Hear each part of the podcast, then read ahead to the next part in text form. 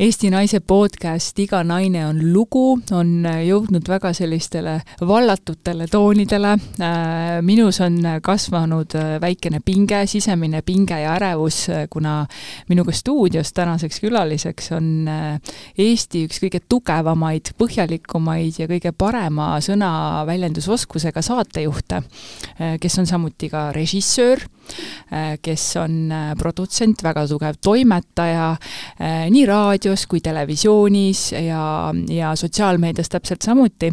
tegemist on Eeva Essega, kes on juhtumisi ka minu selline mm, iidoleid sa oled üks suur iidol olnud mulle üldse, mis puudutab Eesti telemaastikku, nii et tere tulemast!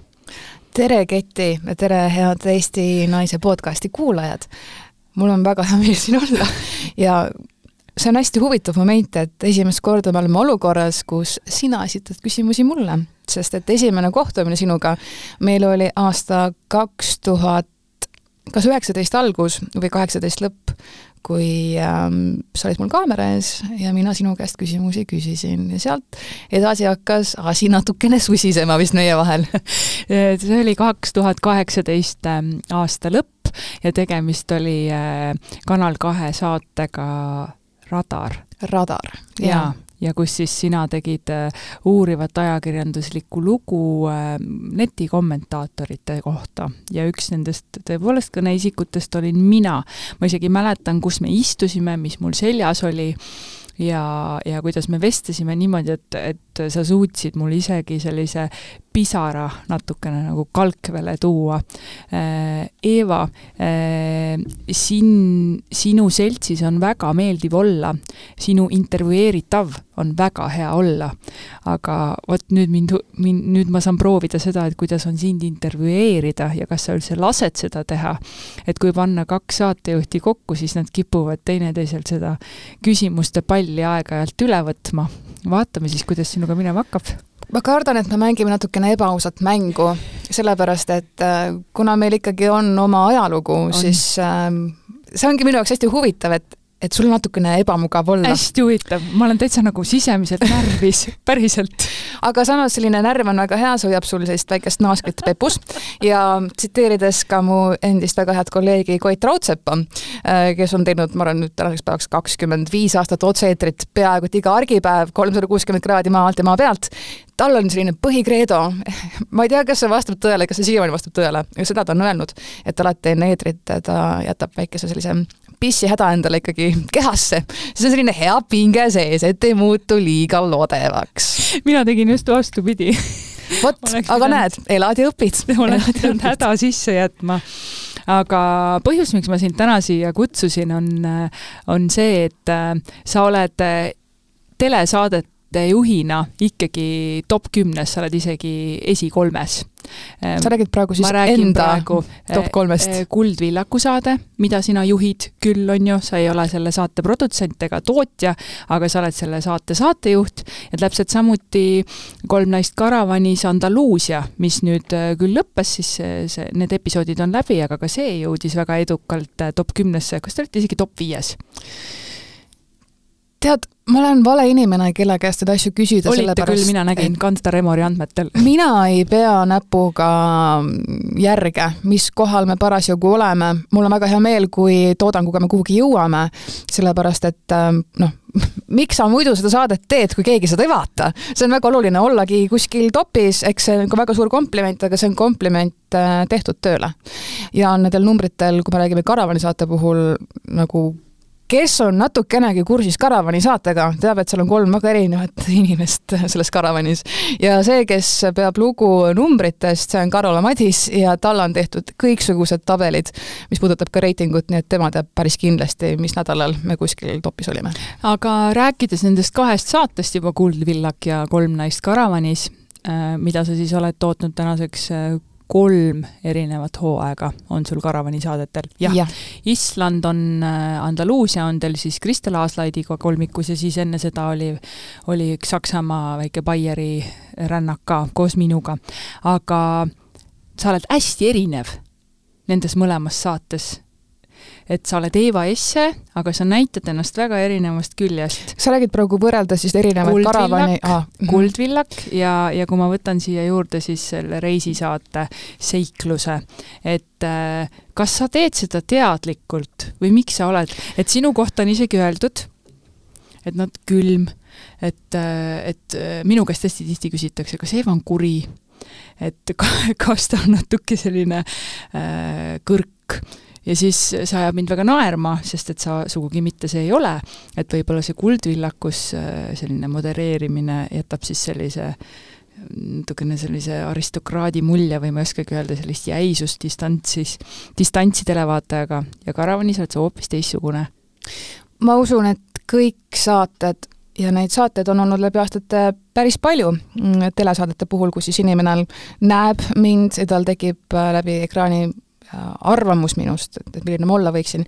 Nad on olnud väga-väga äh, erinevad, neid on olnud päris palju ja enamik nendest ongi olnud pigem sellised tõsisemad saated, pigem isegi võib-olla konservatiivsemad ja ja kusjuures eile kirjutas üks väga tore neiu mulle Instagrami, et täiesti lõpp mida rohkem ma seda Karavani saadet vaatan, seda rohkem ma saan aru, et kui äge naine sa oled. ma arvasin, et sa oled hoopis teistsugune, täpselt needsamad sõnad, mida ja. sa mulle just ka ütlesid, aga täiesti lõpp, sa ei olegi ju see, mida ma olen arvanud. ma väga tänasin teda selle tegelikult komplimendi eest, aga ütlesingi, et noh, ma ei saa ju olla seesama mina ise, kes ma olen Karavanis, Kuldvillaku saates. sest et seal ju formaat kirjutab ikkagi ette, et mõistagi, ma võin olla mina ise, aga, aga see on, tegelikult see on üks väga huvitav saade, kus äh, saatejuhil on kõige väiksem visuaalne roll üleüldse meie saadetest, sest et saatejuhti sa praktiliselt ei näegi. ma pakun, et võib-olla heal juhul kümme protsenti kogu visuaalist, mida sa näed selle äh, kolmekümne minuti jooksul, on siis saatejuhi näoga. ikkagi need küsimused, see graafika, vastajad. Mm -hmm. jaa, nüüd me oleme toonud ka viimastel hooaegadel selle küsimuste vooru rohkem nii-öelda vaataja ette, et ma tulen sealt puki tagant välja ja olen seal nii-öelda lava peal ja neid küsimusi küsin ja ma arvan, et võib-olla see on siis selline plokk, kus võib-olla minu selline rohkem minulik külg sealt saab välja tulla. aga ma hakkan aina rohkem ka enda puhul aru saama, eks ütleme, et teletöö või üldse avalikkuse ees äh, töö tegemine, mm, eriti veel alates esimesest päevast pärast ülikooli, mis on tänaseks juba no üle kümne aasta, et see on pidev iseenda otsimine, et, et kes sa siis oled, kelleks sa saada tahad, mis on sinu eesmärgid ja ma arvan, et ma hakkan nüüd alles esimest korda selle aja jooksul nagu täpsemalt paika saama iseenda jaoks, et aga kes ma siis olen, kes ma siis ka nagu avalikkuse ees olen. sest ma näen seda hästi palju, läbi aastate olen näinud äh, oma kolleegide puhul, eriti kui ma räägin just enda vanustest, kes, ähm, või ka siis noorematest ja ka pisut vanematest, kes ekraanile minnes võtavad mingisuguse rolli, positsiooni. see paljuski tulebki sellest, et millist tööd sa teed, millist saadet sa juhid sa ei saa minna Aktuaalse kaamera eetrisse seal mm, külitada, visata nalja vahepeale, see on, see on väga-väga kindel formaat. ja mina alustasin ka ju Aktuaalsest kaamerast ja see ongi, sul on tekst ees, sa seda väga nagu viisakalt, äh, konverentsieelikult äh, kannad ette ja ma hakkasin see, see moment aru saama, et see ei ole päris minu teema. sest et kui mul oli ette kirjutatud tekst prompteri peal AK-s, siis ma hakkasin loominguliselt lähenema sellele, ehk et seda lausestust seal otse-eetris äh, kohapeal muutma ja see ei ole päris see. ja see oligi see moment, kus ma saan aru, et ma pean natukene ennast kuidagi vabaks laskma ja see on see moment, kui ma läksin Raadio kahte. Raadio kahes olles, äh, kui ma alustasin, ma ei mäleta, mis see esimene saade oli või mis nime ta seal kandis, aga hästi igapäevast argi, argielu kokkuvõtet, saadet ma seal tegin. Ja see oli jällegi keskkond, mis on ülivalt vabameelne, selline nagu loomeinimesed koos ja siis tuleb sinna üks selline noor majandusajakirjanik tegema midagi vau wow,, et nagu kuule, et see on Raadio kahe keskkond, et võtame nüüd vabalt, et me ei pea siin väga tõsistest välispoliitilistest teemadest ja ja, ja ma ei tea, majanduses rääkima iga päev ja sealt ma hakkasin ka jällegi kuidagi nagu vaba, vabamaks ennast laskma. ehk et seda iseennast rohkem sisse laskma. ja sealt nagu step by step ma olen jõudnud sinna kohta, et ähm, see on täiesti okei okay ollagi sina ise ja teha ka meelelahutust meele, see meelelahutus, tead, me võime uud-, noh, uudised tulevad uksest ja aknast sisse päevast päeva ja uudise muidugi ühe hea kvaliteetse uudise, olgu selleks tele, raadio või kirjutava meedia uudis, selle kokkupanek kui teha seda hästi, see on ikkagi, see on ikka klass omaette. Astrid Kannel just ütles äh, loengus, mm, et äh, esimene asi, kui sa üldse tahad olla saatejuht või toimetaja, õpi kirjutama uudist. ja sa pead teadma äh, paari sõnaga või ühe pisikese lausega öelda, mis see mõte on on ju? ja, ja sina tood selle täpselt sama asja välja, võib-olla see tuleb ka sellest, et äh, tegemist on Rahvusringhäälinguga, see on avalik-õiguslik äh, kanal, on ju, vahend, et see peab olema hästi kontrollitud, kõik peab olema täpne. Ja uudised on ju need, kus on, kõik on selline täpne, korrektne, konservatiivne, võib-olla sellest saab see kõik äh, alguse. Jaa, ja ma arvan ka, mis, mis minu nii-öelda kasvamislugu on väga palju määranud, ongi see Rahvusringhäälingu keskkond, kus ma ikkagi oi, väga pikalt töötasin.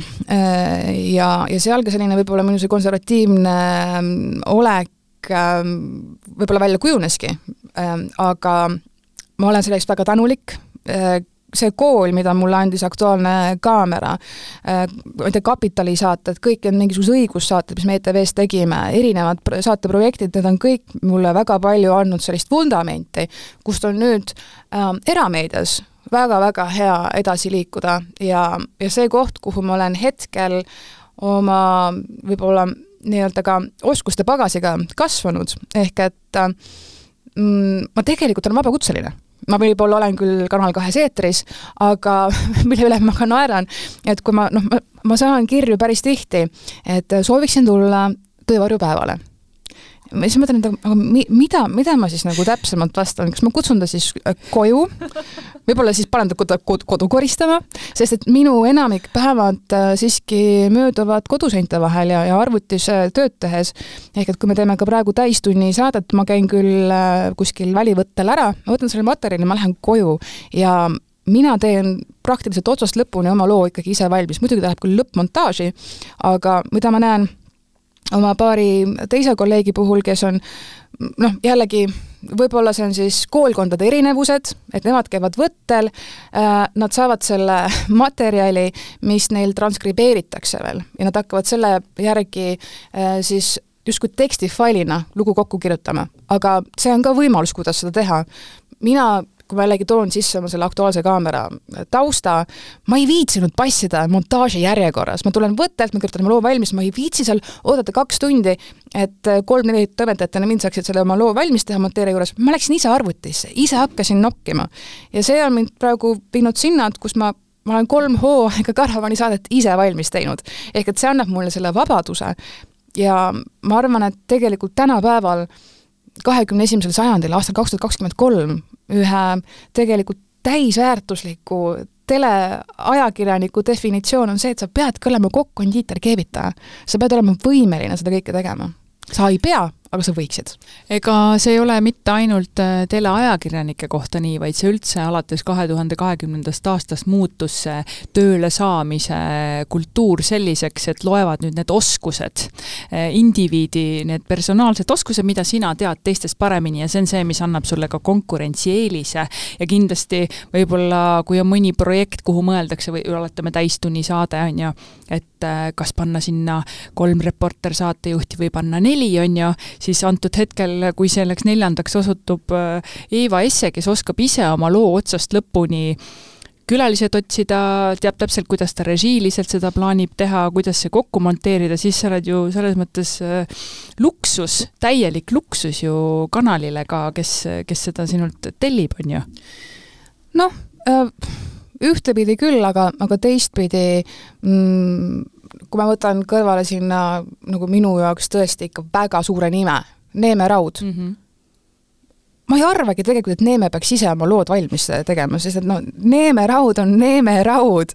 kui sa oled Neeme Raud, sa võiksid jalad seinale visata ja kogu tiim võiks sinu selle töö ära teha, sest et sa oled ikkagi Neeme Raud. aga kas Neeme paneb ise oma lood kokku? Neeme äh,, ta paneb, aga, aga mitte nagu selle noh, viimase nagu tehnilise detailini, aga ta kirjutabki ise need lood valmis ja, ja no, no lihtsalt suurte tähtedega võin sellest inimesest rääkida, tõesti tõeline mentor ja see, kuidas äh, inimene haarab nii suuri teemasid, tehes, tehes seda, mida ta teeb, ehk et äh, ma arvan, et ütleme siis, äh, ajakirjandusliku oskuse kapatsiteedi poole pealt olen ma ikka, me oleme valgusaastate kaugusel Nemerauast. aga ma arvan, et minu kui siis noorema põlvkonna ajakirjaniku, teleajakirjaniku võib-olla eelis on see, et, et ma olen nagu on the go või selle tööprotsessi käigus niivõrd palju oskusi omandanud. ja mis mind tegelikult näiteks mõnevõrra isegi häiris tagasi vaadates näiteks essesaatele, et, et seal muidugi kogu mm, stsenaarne pool, olgu need küsimused viimases hooajas, ka kogu see avamonoloogi tekst, kõik, kõik, kõik selle ma küll toodan ise valmis, aga ma tahan ka seda, et kui me oleme stuudios vestluse ära teinud, ma tahan ka seda materjali ette, enda kätte saada, et ise see asi valmis lõigata. et ma tahaksin rohkem kontrolli omada selle eest, et kuidas see asi lõpuks äh, ekraanile pääseb ja selle puhul ma tundsingi, et, et mu käed olid natukene nagu selja taha seotud, et ma ei saanud äh, päris niimoodi seda asja võib-olla mm, valmis teha, kui ma seda ise teinud, mille väike taak on ka see, et aga sellel saatel on ju minu nimi küljes, ehk et äh, et vaataja äh, võib-olla võrdsustabki selle, mida ta selle ekraanilt näeb, minu nimega, aga ma tegelikult oleksin võib-olla teistmoodi seda asja ise lõiganud näiteks kokku või, või seda protsessi juhtinud natukene teistmoodi. no auditoorsed uuringud näitavad küll seda, et vaataja kleebib tihti selle saate saatejuhiga kokku, justkui see oleks saatejuhi oma ja nagu muidugi, ma saan see... iga pühapäeva õhtu või siis esmaspäeval ma saan selliseid pahaseid kirju, pahaseid kirju, et kuidas üks või teine või kolmas küsimus on valesti küsitud või siis äh, kuidas oleks, oleks pidanud teistmoodi olema või mis äh, noh, ühesõnaga, inimesed tõesti eeldavadki, et ma olengi kõik need küsimused ise välja mõelnud, mille eest muidugi suurim aitäh, et minust nii hästi arvatakse, et ma suisa nii kõrge lennuga olen. aga, aga ei, et ähm, Kuldvillaku puhul tõesti on meil väga suur tiim küsimuste tegijaid selja taga ja, ja see saatejuht ei ole absoluutselt seotud selle sisulise poolega. vaata, sina selles mõttes oled selline teleajakirjanik, kes äh, tegutsebki mitmel rindel, kui Kuldvillakus sa ei mõtle neid küsimusi ja sisu välja, vaid sa ainult edastad neid eks ju, siis kõikides muudes saadetes sa teed äh, kõik need tükid otsast lõpuni ise valmis. et sul on oskus olemas, aga sa ei tee, et kui esse saates oli ka sinu saatel sinu nägu, sinu nimi ja seal sa oleksid tahtnud justkui kontrollida seda sisulist poolt ja lõpp-produkti rohkem, aga sa ei saanud, siis Karavan, äh, ütleme, täistund on siis ka nüüd need, mis sa saad siis otsast lõpuni ise vastutad ja ise tead, et kui midagi keegi kritiseerib ja midagi ütleb, siis sina vastutad ka, et saad nagunii kriitikat, saad kõik selle, saad asja eest. tead, äh, täistunni puhul on ikkagi rohkem selline jagatud vastutus, sest et meil on seal, meil on seal päris suur tiim. meil on vastutav toimetaja, meil on toimetaja, meil on produtsent, peaprodutsent, meil on režissöör, meil on monteerija, ehk et seal on see ikkagi mõnevõrra jagatud vastutus, et kui ma oma nii-öelda loo valmis teen, siis see käib noh, saadan selle kinnitamiseks toimetajale, et noh, kas midagi veel muuta või nii, aga kui ma teen karavani ala, see on puhtalt kõhutunde pealt. ma teen selle Karavani episoodi valmis, saadan Karolale ja Kristelile ülevaatamiseks ja nad väga lahe, anname kuuma, väga hea, et noh, et, et mõistagi, no kui nad märkavad ära, et seal kuskilt mingisugused kirjavead või midagi, aga ma ei tea, kas noh, ühesõnaga ega nad ei ole mulle mitte midagi öelnud, et kuule, muuda sealt seda või, või siis seda, mitte et ma tahaks ennast kuidagi nüüd väga kiita selle eest, et oi, et küll ma tegin nüüd hea asja kokku, midagi pole nagu muuta, kindlasti on, aga, aga seal, kui ma midagi valmis teen, eetrisse annan, siis see on puhtalt minu enda vastutus.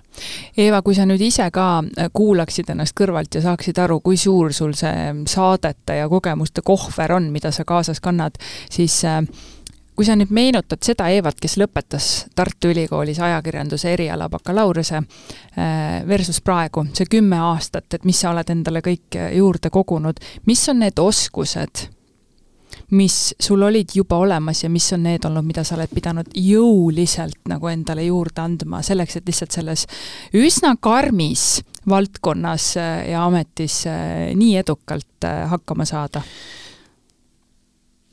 Ma võib-olla paneksin selle küsimuse ja ka siis see vastus hoopis vastupidiseks, et mul on võib-olla mingisuguseid omadusi, mis on aastatega hoopis maha lihvitud.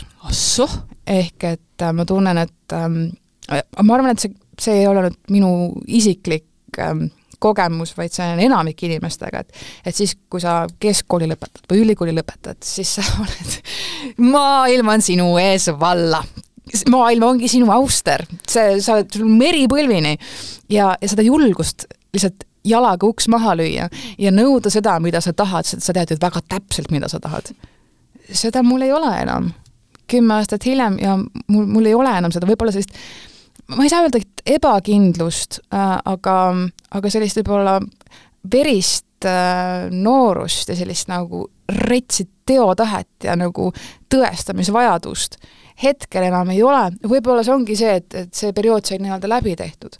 ja nüüd ma olen läbi selle enese teostamise ja selle enese teostamistahte jõudnud sinna, kus ma praegu olen mm,, aga ma tunnen jah, et, et võib-olla ma olen pigem isegi rohkem äh, mingi koha pealt endasse tõmbunud või isegi ebakindel kui, kui sellise nooruse rumalusega, sest et siis, siis lihtsalt lähed ja, ja lammutad, aga enam ei lähe ja ei lammuta niimoodi et selline võib-olla professionaalne kritinism ka iseenda suhtes või? jaa, ma arvan, see enesekriitika on aastatega aina suuremaks muutunud ja, ja siin ongi see moment ka, et, et et üks kriitika, noh, ka kui me räägime kriitikast, mida sa kellelegi teisele annad, et, et üks kriitika on ikkagi edasiviiv kriitika või kons-, konstruktiivne kriitika, teine asi on lihtsalt lahmimine ja et selline sitasti ütlemine teisele inimesele. ja mulle tundub, et, et ähm, iseendaga dialoogis olles tihtilugu me väga lihtsasti läheme sinna mustrisse, et, et mitte, et me ei ole iseenda suhtes kriitiliselt, tähendab konstruktiivselt kriitilised, vaid me ütlemegi päris halvasti iseendale. ja, ja sellest sisemonoloogist nagu tasuks äh, aeg-ajalt nagu kinni võtta ja nagu endale selgeks teha, et kuule, et mida sa just endale ütlesid, nagu kas, kas see tegelikult on seda väärt, kas sa ütleksid oma emale niimoodi, kas ütleksid oma sõbrale niimoodi, no ei ütleks ju. miks sa seda siis endale ütled? et need on nagu need, need kohad, mis ma tunnen, et, et et mis minu seas on kasvanud, ehk et selline e-, enesekritiseerimine, aga teistpidi ka sellise kriitika teadvustamine ja, ja sellega tööd tegemine. Ja eks, eks sellised momendid käivad kogu aeg ähm, tööga käsikäes. sa oled üsna sellise terava keelekesega ka äh, nii äh, endale, ma arvan ka, kui sa asju ütled, aga ka teistele, et see tuleb ka sealt Karavani saatest hästi välja, noh kuigi teil on ka veidi võimendatud enda rollis olemist, et oleks huvitavam vaadata, mhm. on ju et äh, televaataja ikka soovib karakterit ja seda veidi dramatiseeritult äh, üle võlli, et sa oled nagu selline mm, no vahepeal nagu vingud vingud või, või kuidagi kritiseerid kõike olustikku, mis on ümber ja niimoodi päris, päris teravalt, et vaheks ta, vahel tahaks küsida, et et kuidas sa viitsid kuidas ma võiksin nii palju vinguda või? kuidas sa viitsid vinguda, jah ah,? Eks üks asi on kindlasti see, et, ähm, et kui me räägime Karavani saatest, et ei tasuks ära unustada, et tegu on telesaatega. ja, ja seal me tõesti, me peame, me oleme küll meie ise seal me igaüks olemegi niivõrd erinev ja me samas peame ka neid rolle, kus me oleme, natukene üle võimendama. ehk et me oleme ka iseenda jaoks selle väga hästi lahti mõtestanud, et me kolmekesi oleme väga selgelt nagu sõprade seriaali Kolm naist, ehk et äh, Phoebe, Monika ja Rachel, ma arvan, kui natukene mõelda, saavad igaüks aru, kes on kes. ja, ja eks minu karakteri juurde pigem käibki selline nina krimpsutamine ja, ja võib-olla parema tahtmine ja no eks siis igaüks paneb kokku, et huvitav, kes see küll võiks sealt sellest kolmikust olla äh,, Friendside kolmikust mm.. kas ma võin öelda, mis ma mõtlesin, kes no., kes, kes on? No Smelget, Smelget ongi ilmselt Kristel, aga ta ilmselt laulaks seda palju paremini, kui Phoebe seda tegi. ma, ei, ma ütlen ei, laulmine mis... laulmiseks. oota, jaa, jaa, aga see kogu see karakter ja see olemus, et see on täpselt äh,, äh Kristel on Phoebe minu silmis. jaa, see, meil, meil ei ole probleeme, meil on ainult uh, lahendused. isegi see riietusstiil ja see täpselt. kõik need juuksed, kuidas ta neid sätib, et äh, isegi see on väga sarnane äh,. no sina oled päris kindlasti Rachel äh,, et sul, sul on, kuigi sa oled Monika ja Racheli vahepeal, ei, Karol on Rachel ja sa oled Monika. kas sa teed nalja või vaata nüüd, vaata nüüd kas, kas sa teed nalja või um,? ei, Karol on Monika, täitsa kindlalt. kes meist on nagu korra armastaja? ja, ja Monika, Monika aga ka sinus on neid äh, külgi väga olemas, kusjuures sinus endas, Eeva, kuigi selline ütleme, selline konservatiivne külg on see, mis kõige rohkem tuleb esile nii-öelda avalikkuse ees ja kui sa teed tööd, see peabki nii olema, et muidu, muidu me ei saaks ju asju tehtud aga sinus endas on elamas sees kõik need kolm Friendsi karakterit ja ma paneks sinna veel Rossi ka veel juurde, et sa teed äh, väga head nalja ja sa ei ole naiivne, kindlasti mitte, aga sa armastad tegelikult inimesi teinekord, kes suudavad olla naiivsed. et äh, sa kuidagi naudid sellist äh, äh lahedat niisugust mõnusa kuluga nalja, sulle meeldib huumor ja, ja samas boheemlast elab ikka sinus väga palju. et, et, et mõtle selle peale, et sinus tegelikult endas on kõik need kolm olemas. tead inimesed, kes mind väga lähedaselt teavad äh,, on sellest väga nagu teadlikud, et äh, ma olen ikka väga blondiin mingitel momentidel ma olen ikka väga aitäh, et sa selle ise välja ütlesid ma ei tahtnud seda enda peale võtta. et, et jaa, et mul, mul vahepeal ikka kiilub korralikult kinni, aga, aga ma, ma, ma nii naudin neid momente, kui ma aru saan, et issand jumal, mida ma nüüd just välja ütlesin või, või kuidas ma just praegu seda olukorda mõtestasin, et et äh, ma arvan, et, et jah, see sibul on üsna siiruviiruline mis, mis aga on... kas sa lased ka endal siis olla? See blondiin. Või siis kohe paned stopp? tead, aga see täielikult oleneb olukorrast, et äh, ma olen nagu enda puhul aru saanud ka seda, et et see on minu jaoks fine, kui arvataksegi võib-olla, et ma olen kõrg, et ma olen selline jääkuninganna, sest et üks ongi võib-olla kaitsemehhanism. miks ma peaksin kedagi võõrast enda nagu väga privaatsesse minu olemise ruumi sisse laskma? et ähm, noh, ma arvan, et see on täpselt samamoodi, kui võib-olla, ma toon näiteks Anu Saagimi, kes ma küll ei tunne teda isiklikult, aga ma olen läbi aastate aru saanud, et ta on pigem see naine, kes, kes on väga kaalutletud, väga, väga tark naine, aga kes teadlikult väljapoole elab hoopis teistsugust karakterit ja seda selle jaoks, et et, et, et hoidagi sellist nagu persoonat ja ja siis oma seda ka-, karakterit ka täielikult lahus. et natukene nii-öelda jälgi segada ja iseendal on võib-olla ka siis rahulikum ja, ja mõnusam elada kui, kui väga sa kardad endale üldse inimesi niimoodi päriselt ligi lasta? Kuule, ma olen päris sinisilmne selliste asjade koha pealt, ehk et kui mul inimesega tekib äh, klapp, siis ma olen suht kiire nii-öelda inimestesse armuja, ehk et ma võtan väga-väga kiirelt inimesed omaks. ma õnneks ei ole oma elus liiga palju kõrvetada saanud selle pärast, ma loodan ka, et ei saa, kuigi ma saan ka sellest aru, et et mida vanemaks ma saan või me saame, seda võib-olla raskemini uusi inimesi ligi lased või üleüldse sa ähm, sõprussuhteid äh, lood ja seda suurema väärtusega need ka on, mis, mis tekivad. aga üldiselt jaa, et ma, ma pigem ma pigem ikkagi lasen päris kergesti inimesi ligi ja see on ainult üks mööndus, et noh, et mulle tõesti ei meeldi rumalad inimesed mulle lihtsalt ja mul on kohutavalt keeruline oma keelt siis hammaste taga hoida. siis tuleb selline, ma tean, see sarkastiline, ebameeldiv inimene minu seest välja, kui ma näen, et sa oled tõesti, sa oled siiralt rumal inimene ja tead, Keti, kui palju meie ümber neid inimesi tegelikult on ma kadusin korraks ära, sest et mul tuli selline südamest naerupahvakas praegu selle peale ja ma kujutan ette kõiki neid Eeva mõistes, oot, vot, defineeri nüüd, kes on sinu meelest rumal inimene? pane sellele, ma tahaks näppu peale panna. kas sa mäletad äh, minu tüdrukute peol Nii. oli, ma ei hakka nüüd inimestest näiteid tooma vaid see oli ka see moment, et äh, kui te pidite minu tulevase, minu, minu tule, tulevase abikaasaga viidi siis läbi intervjuu ja, ja et, et tema, tema pidi ära arvama, et mis mulle kõige vähem meeldib ja mina siis tema puhul, mis talle kõige vähem meeldib. ja tuli välja, et meil mõlemal oli vastuseks, et ei, et mis meid närvi ajab, need on rumalad inimesed. tead äh,, enam enamasti need, see ei ole üldse seotud äh, kellegi haridustasemega, sa võid olla tõesti ka ainult põhikooli lõpetanud inimene, kui su süda on õige koha peal, sa, sa adud äh, keskkonda, sa adud ähm, ähm, inimesi enda ümber ja seal kõrval võib olla doktorikraadiga inimene, kes, kes ei austa teisi inimesi, kes ei austa teiste inimeste aega, kes ei austa teiste mm, inimeste arvamust, et see on see, mis minu jaoks ähm, teeb inimese rumalaks, selline enesekesksus.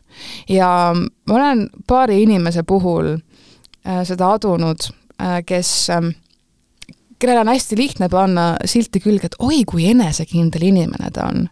aga vaadake, enesekindlusel ja enesekeskusel on nagu väga suur ähm, vahe ja enamasti need, kellele pannakse seda silti külge, et nad on väga enesekindlad, nad on väga enesekesksed.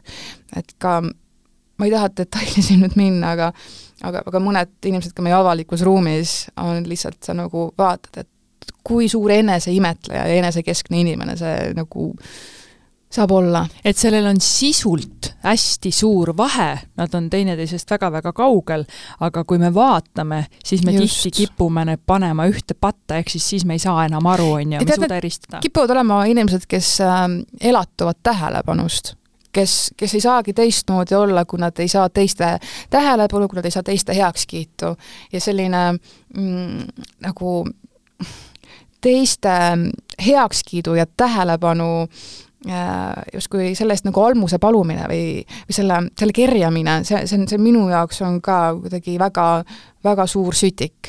et mulle, ma, ma üldse ei seedi sellist asja, ma ei seedi selliseid inimesi. võib-olla omadustelt siis selline ebasiirus või? oi, jaa, issand. empaatiavõime puudumine või jaa, see, see, see, see nimekiri praegu aina pikeneb. aga, aga muidugi selles suhtes, et, et ähm, ähm, see ei tähenda, et ma nüüd kohe inimesed hukka mõistaksin või nendega koostööd ei teeks või nendega koos ei oleks. me oleme kõik osa ühest suurest ühiskonnast ja, suurest ühiskonnast, me oleme väga väikeses ühiskonnas siin Eestis. ja, ja me puutume kokku igasuguste inimestega. aga ma tunnengi, et tihtilugu, et selliste inimestega äh, koos olles ma pean ise ka selle maski pähe panema ja ma vihkan seda momenti, kui ma pean ise keegi teine olema, sest et äh, mulle meeldib olla mina ise ja ma tahaksin olla mina ise igas momendis, aga see pole lihtsalt võimalik tihtilugu, sellepärast et mul on, mul on inimesi äh, minu ümber, eri, meil on ju kõikidel erinevad need ringkonnad, kellega me ringi käime, olgu see töö juures või, või või ütleme, et mingi sõprade seltskonnad, et ikka on neid inimesi, kelle puhul sa tunned, et sa ei saa olla sina ise. ja et nendel inimestel, kellega sa ei saa olla sina ise, tihtilugu on täpselt need omadused, mida ma enne sealt välja tõin aga, aga see ei tähenda, et me peaksime selle inimese kuidagi välja lükkama sellest ringist, et me peamegi ju eksisteerima äh, ise sellises olukorras. Ja, ja see, eks, eks need jällegi siis on need enesekaitsemehhanismid, tõmmates see mask pähe, aga ma pigem eelistaksin mitte sellises, sellises olukorras olla aga selleks, et lihtsalt eluga edasi minna, siis me oleme sunnitud seda tegema. me ja. ei saa ju olla kõikide inimestega haavatavad ja kõiki usaldada pimesi, see ei ole, see lihtsalt ei ole võimalik, on ju. aga kui palju sa ise seda maski endale peale tõmbad, lisaks veel sellele nendes reaalsetes elulistes situatsioonides, aga ma tahan jõuda nüüd näiteks sotsiaalmeedia juurde ja sinu kuvandi juurde üldse, et sa oled inimene, me teame väga, austame seda, et sa räägid väga vähe oma eraelust ja ja see on ka põhjus, miks ma ei küsi sult mitte midagi su eraelu kohta, nii palju, kui sa ise moka otsast äh, paotad. Äh, see on ka asi, mida ma olen sinult äh, palju õppinud, kuigi see ei tule veel nii suurepäraselt välja, aga ja ma räägin sellest, kuidas sa ennast presenteerinud oled, kas see on maskiga Eva või see on maskita Eva? ma ei ole seda mitte kuidagi kunagi niimoodi enda jaoks lahti mõtestanud et mis see siis just parasjagu on, aga ma arvan, et ma tahan iseendas jagada nii vähe kui võimalik ja, ja nii palju kui vaja. see, et ma oma eraelu ei jaga, on põhjusel, et, et see on ähm, minu ja minu kaaslase vaheline kokkulepe. et me ei taha seda elu elada avalikult, et midagi peab jääma ka meile. ja paratamatult, kuna üks selle suhte osapool on kõrgendatud tähelepanu all meedias, siis ähm, saab ka pihta tema sellega, kui me kuskil peaksime midagi koos tegema või või, või koos välja ütlema. ja me näeme seda ju tegelikult nii tihti päevast päeva, et, et inimesed, kes, ähm, kes justkui on avalikkuse kõrgendatud tähelepanu all, kui nad jagavad enda elu kohta liiga palju, siis need on ikka väga valusad vitsad, mis äh, pärast peksavad. olen minagi peksa saanud ja, ja see on kasvatanud mulle ühest küljest nagu muidugi paksema naha, aga, aga teistpidi see on teinud mind ääretult ettevaatlikuks. see on teinud mind väga ettevaatlikuks. ehk et äh, mind väga kohati üllatab see, et, et töötades ise ajakirjanduses, mul ajakirjanikuna on väga-väga selged eetikareeglid. Äh, ma ei oska öelda, kas see tuleb äh, mu iseloomust või on see väga tugev Tartu Ülikooli ajakirjanduskommunikatsiooni instituudi taust, mis on sellised põhimõtted äh, ihu alla tagunud. aga ma lähtun väga selgetest reeglitest, kui ma oma tööd teen ja võib-olla see on selline sinisilmne uskumus või arusaam varasemast, et et, ähm, et kui mina sellest valdkonnas töötades teen oma tööd nende põhimõtete järgi, et ühest küljest ma justkui oleksin puutumatu, et keegi teine ajakirjanik, kes on võib-olla natukese teise valdkonna, ehk et võib-olla natukene kollasema meedia esindaja, et, et ma, et ma justkui oleksin tema jaoks puutumatu, et nagu, et ära tule siia Karjamaale nagu noppima, et sul ei ole siin mõtet tulla mulle liiga tegema, ei ole. Ära tule nagu teist ajakirjanikku väga näpistama. aga oi, see oligi sinisilmsus. ma just mõtlen, kui tihti sa seda eetikakaarti pead ise viskama välja mõnele ajakirjanikule, kes tahab sellest nii-öelda aga mul on väga selge arusaam siiamaani olnud, et et nad on natukene teist sorti inimesed. ma, ma, ma väga vabandan, kui ma kellelegi nüüd siin liiga teen, aga need inimesed, kellega ma olen kokku puutunud ja kes on mulle isiklikult väga haiget teinud, nad ei ole seda sorti inimesed lihtsalt ähm,, kellega ma julgeksin panna ennast sama pulga peale võib-olla. ehk et ma näen, et nende tööpõhimõtted, äh, nende mm, eetikakompass on hoopis muu koha peal. ja, ja see on ka võib-olla üks põhjus, miks ma ise tunnen, et ma mingisugust ähm,, mingisugust tööd äh, või, või, või mingisuguseid intervjuusid ei tahaks teha, sest et äh, ma tean, et ma ise äh, ei taha mingeid küsimusi küsida inimeste käest ma ei, ma ei taha liigselt minna inimeste ähm, liiga valusate ja isi-, isiklike, isiklike asjade kõr-, külge. eriti, kui nad ei taha sellest tegelikult ise väga rääkidagi. ja, ja, ja ma arvan, et, et siin ilmselt ongi see, et, et tead, igas valdkonnas on erinevaid inimesi, arste on oi kui palju erinevaid uh,, ma ei tea, sportlasi on oi kui palju erinevaid, erinevaid ja ajakirjanikke on oi kui palju erinevaid. ja mina olen oma pitsat saanud ja, ja seetõttu äh, mm,? pigem, pigem hoian eemale ja jällegi ähm, me oleme, me oleme konnatiik. väga raske on ähm,, mitte raske, aga vaid ei tohi ka mingisugust ava, avalikku konflikti tekitada ei saa ka niimoodi, et käed puusas, ma nüüd sinuga ei suhtle või midagi ei tee. mingi moment sa peadki oma võib-olla kibestumuse alla neelama ja, ja võib-olla selle kommentaari kuhugi andma või, või mingisuguse järeleandmise tegema. aga jah, minu äh, nimekirjas on kindlasti inimesi, kellega ma ei soovi kindlasti mitte, mitte kunagi enam oma elu jooksul äh, tegemist teha ole, ole ajakirjanik, aga jää sellel, selle kõige teekonna juures nagu inimeseks ka. nagu äh, mõistlik. Juhan Peegel, ajakirjanik võid sa olla, aga inimene pead sa olema. no palun, ma arvan, et see on, see on nendele, ma arvan, et siin on mingid konkreetsed inimesed, keda sa silmas pead, eks nad ise, kui nad kuulavad, eks nad siis saavad aru, kes on ebaeetiliselt käitunud. ma mõtlesin võib-olla ega inimesed ei tea ju, mis need ajakirjanduse, ajakirjanduseetika, et mis need printsiibid seal on. kes sa ütled kaks-kolm asja?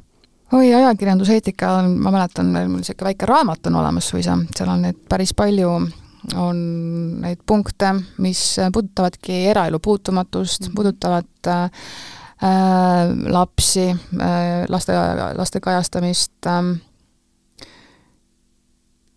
ma jään sulle praegu selles mõttes vastuse võlgu, aga, aga tead, nad on enamik asju, mis peaksid käima ühe normaalse ühiskonnaliikme eetilise kompassiga nagu kaasas olgu, see on lihtsalt, et nüüd äh, kuulaja teab ka, et mis seal eetikas, sest see on, see on, see on tõesti, selleks on eraldi loengud, selleks on eraldi ka paragrahvid, te võite need välja printida, kui te tahate täpselt lugeda. jaa, ja noh, eeskätt peab alati ju ajakirjanik ka kaaluma iga loo puhul sellist nagu uudisväärtust, et et kui see seal uudisväärtus noh, kaalub mingisuguse koha ajakirjanduseetilisest poolest üles, siis tuleb ka eetika vastu astuda, selleks et näiteks noh, kui sa kui sa helistad näiteks, ma toon hästi robustse näite, helistad näiteks ühele võimalikule pedofiilile, sa pead tegelikult iga kord ajakirjanikuna helistades, sa pead äh, ütlema inimesele, et tegelikult sa salvestad seda kõnet.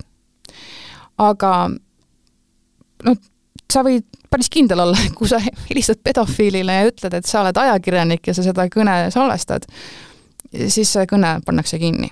Ehk et siin hakkavad nüüd mingisugused sellised nagu peened nüansid mängima, ehk et selleks, et, ähm, et aru saada, et kas ma võin seda ka ilma seda nagu ütlemata, et ma olen ajakirjanik, talle helistada ja seda salvestada, et kas see kaalub üles avalikku huvi?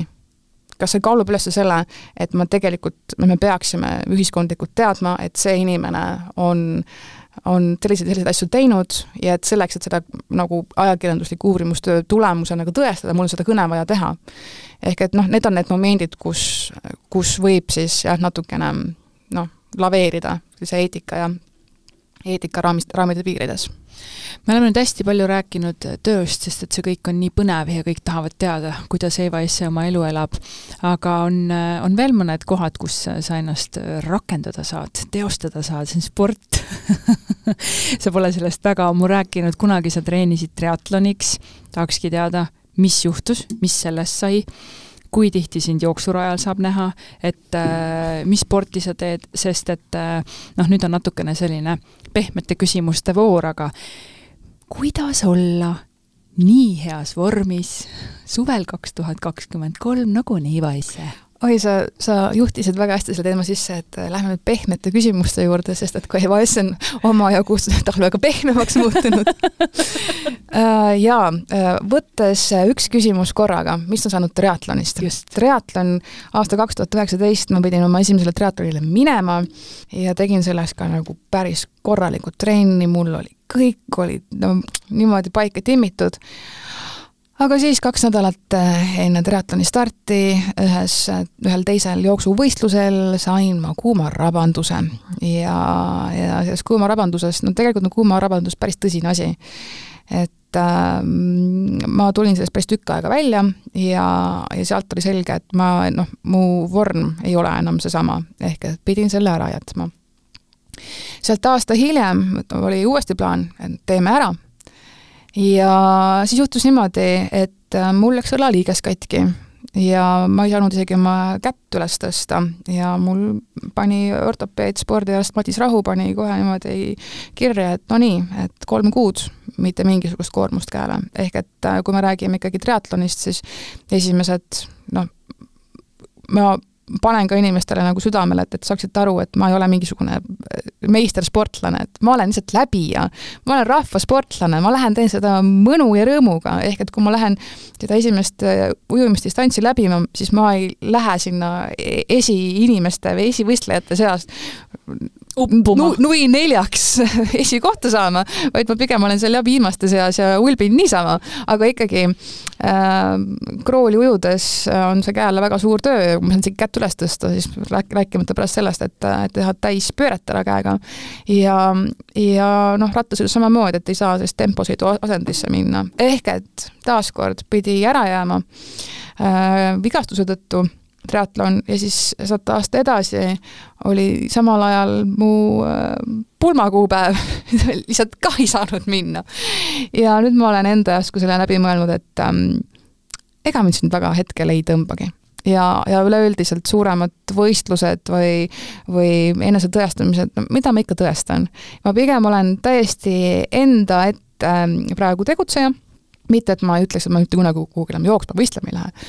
aga ma praegu pigem teen iseendale, ma, mul on kodus mu ähm, maanteeratas, mis on mul puki peal, mis on ühendatud internetti, ma kasutan sellist rakendust nagu Swift, kus ma siis tuhandete teiste ähm, ratturitega hommikuti ja õhtuti sõidan, ma olen see hooaeg kuskil kuussada, seitsesada kilomeetrit oma elutoas maha vändanud. nüüd äh, alustan vaikselt jooksuhooaega. ilusa Pepu saladused on see Swift, jätke meelde ja võtke endale koju ratas, kui on porised vastikud vihmailmad, nagu meil praegu siin on, et et siis on hea, et saad Swiftid ennast ilusaks suveks. ma, ma väga võt-, võtan selle suurel tänul selle komplimendi vastu ja nüüd hakkasin vaikselt jooksma, aga ma ei jookse, vaid ma teen hetkel veel kõndjooksu, ehk et kuus minutit jooksen, neli minutit kõnnin, sest et äh, nüüd on meid õnneks õnnistatud juba vaikselt kevadega, aga kevad on minu jaoks väga keeruline aastaaeg, sest et minu astma hakkab jälle oma elu elama, mis tähendab seda, et äh, ma lähen välja ja proovin teha paar jooksusammu, siis mul juba lihtsalt, äh, mul lihtsalt poob, mul ei tule, mul ei tule õhku peale.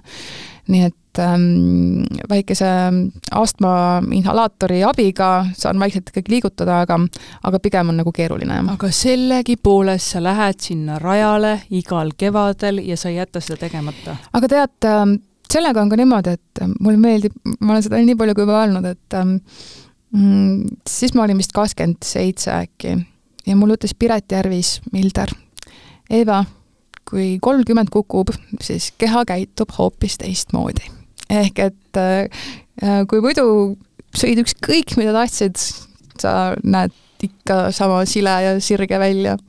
aga kui kolmkümmend kukkus, siis äh, keha hakkas toiduga kuidagi teistmoodi hakkama saama ja ja, ja nagu toit ladestub kuidagi teistmoodi nüüd kehasse, mis tähendab seda, et et hoolimata sellest, et on, et on astma, siis äh, proovin ikkagi liikuda, et äh, keha, keha hoida vormis ja seda kõike ainult selle jaoks, et ma ise oma kehas hästi tunneksin. kas kas, kas oledki sina, mul praegu meenub, kas sa oled sina, kes on mulle öelnud, et et, et ma teen sporti sellepärast, et mulle meeldib väga palju süüa. oo oh, jaa jaa, on jah ja., ma praegu mõtlesin, kas olid sina? jaa, ja mulle tõesti väga meeldib süüa. sest et, ja sa sööd väga kiiresti. ja ma söön väga palju ja, ja, ja mulle meeldib vorsti süüa. Nagu talle meeldib vorsti süüa, ta sööb teist, kõikide teiste vorstid ka ära, nagu igasugused halli värvi ja igasugused oi, erinevad oi. vorstid. sul on ainult üks kogemus sellega. mul on üks kogemus ja elu lõpuni jääb meelde ja ma ei saa mitte midagi selle äh,, sinna parata, aga ma saan aru, et siis selleks, et näha mm, jätkuvalt nii hea välja ja olla nii-öelda sellel suvel oma parim mina, siis tuleb vaatamata ka astmatele või mingitele muudele mm, haigustele tuleb jooksma minna, ma küll ei viitsiks joosta. ei, ma ei ütle üldse, et see jooksmine kindlasti no. on see võti, et ma arvan, et peaasi, et inimesed ennast liigutaksid. et ma tean, et sina oled väga tublisti teinud jõutreeninguid, ma lihtsalt ise tunnen, et ma hetkel ei ole seal kohas, et ma oskaks või tahaks minna jõusaali. ma teen seda kõike kodus, aga kodu puhul on see, et äh, ma võtan selle kava küll ette, aga pärast kolmandat äh, kordust ma tunnen, et ai, ma pigem võib-olla pikutan siin mati peal natukene. treeneriga minna. ma tean, ma tean. sest ma kodus ei saa üldse. ja mulle tegelikult alati on meeldinud see, see natukene masohhistlik, aga et kui, kui mul no tõesti nagu piitsad plaksuvad, et kui nagu treener nagu tõesti, mitte et ta otseselt karjuks su peale, aga et ta nagu ikkagi innustaks sind asju tegema, siis minu puhul see töötab ülihästi. ma ei, ma ei tea, miks ma ei ole sinna jõudnud iseendaga jälle. aga Eva, siia viimase küsimusena ma küsiks sellise, mis edasi? tead, see on nii tore küsimus, sellepärast et mul on sellele ka väga hea vastus tead, ma olen juba aastaid äh, kui on küsitud ka, et, et, et noh, mis on su enda nagu eesmärgid või kuhu sa tahad jõuda, ma ei ole kunagi olnud see eesmärkide panija, et nüüd ma tahan seda saadet teha või niisugust saadet teha või sinna minna, seda teha. vaid ma olen pigem vaadanud rohkem sissepoole ja minu eesmärk on olnud see, et ma tahaksin teha rahu sellega, mida ma parasjagu teen. ehk et, et mitte nagu kogu aeg edasi tõmmelda, et ma tahan veel rohkem, ma tahan, ma tahan, ma tahan veel ed-, edasi jõuda, vaid olla lihtsalt rahulikult ja nautida seda, mis parasjagu on. ja mulle tundub, et ma natukene olen sellesse meelsusesse juba jõudnud ja ma väga naudin seda rütmi, mis mul praegu on, ehk et need kolm telesaadet, äh, milleks on Kuldvillak, Täistund ja Karavani saade. Karavani saade oli tõesti väga edukas, äh, Andaluusia hooaeg, ja me läheme uut hooaega nüüd suvel filmima ja ma arvan, et ähm, sellest tuleb veel parem hooaeg. nii et mul praegu selline nii-öelda püha kolmainsus vägagi istub ja ma pigem panustakski sinna, et, et teha seda oma asja ja niivõrd võimalikult heal tasemel, kui ma seda teha suudan suur aitäh sulle, Eva Esse Sõrumaa, et sa oled niivõrd tasemel ja et sa jätkad tegutsemist just nende asjadega, mis sul kõige paremini välja tulevad ja mille nimel sa pead küll palju pingutama, aga mille eest me sind väga armastame. aitäh sulle! Keit Jõebamägi, aitäh, et sa kutsusid mind siia saatesse. musi!